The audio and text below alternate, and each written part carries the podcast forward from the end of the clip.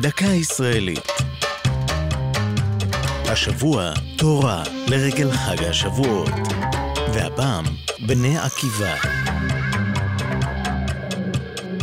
זה תשעה עשורים מתנוססת הסיסמה תורה ועבודה על דש חולצתם התכולה של חניכי תנועת הנוער בני עקיבא. זה ביתו של הנוער הדתי-לאומי בארץ, זו תנועת הנוער השלישית בגודלה. הקימו אותה מעט לפני ל"ג בעומר התרפ"ט, 1929, יחיאל אליאש וצעירים נוספים מתנועת הפועל המזרחי, שערכיה ציונים, דתיים וסוציאליסטיים. תחילה נשאה בני עקיבא אופי חלוצי התיישבותי והקימה קיבוצים דתיים, בהם קיבוץ עלומים בנגב ובית רימון בגליל התחתון. באמצע שנות ה-70 הוסיפה התנועה ליעדי ההגשמה גם את ישיבות ההסדר המשלבות שירות צבאי, וכך בסופו של דבר תמה ההגשמה החלוצית. היום באה לביטוי רוח התנועה בפעילות חינוכית וחברתית.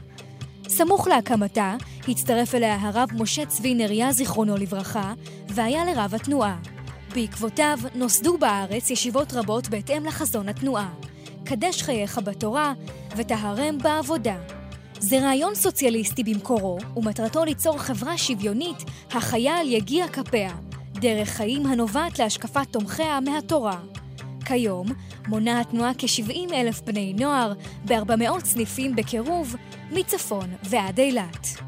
זו הייתה דקה ישראלית על תורה ובני עקיבא. כתבה והגישה טליה כהן. ייעוץ הפרופסור דוב שוורץ. מפיקה יעלי פוקס. Thank you.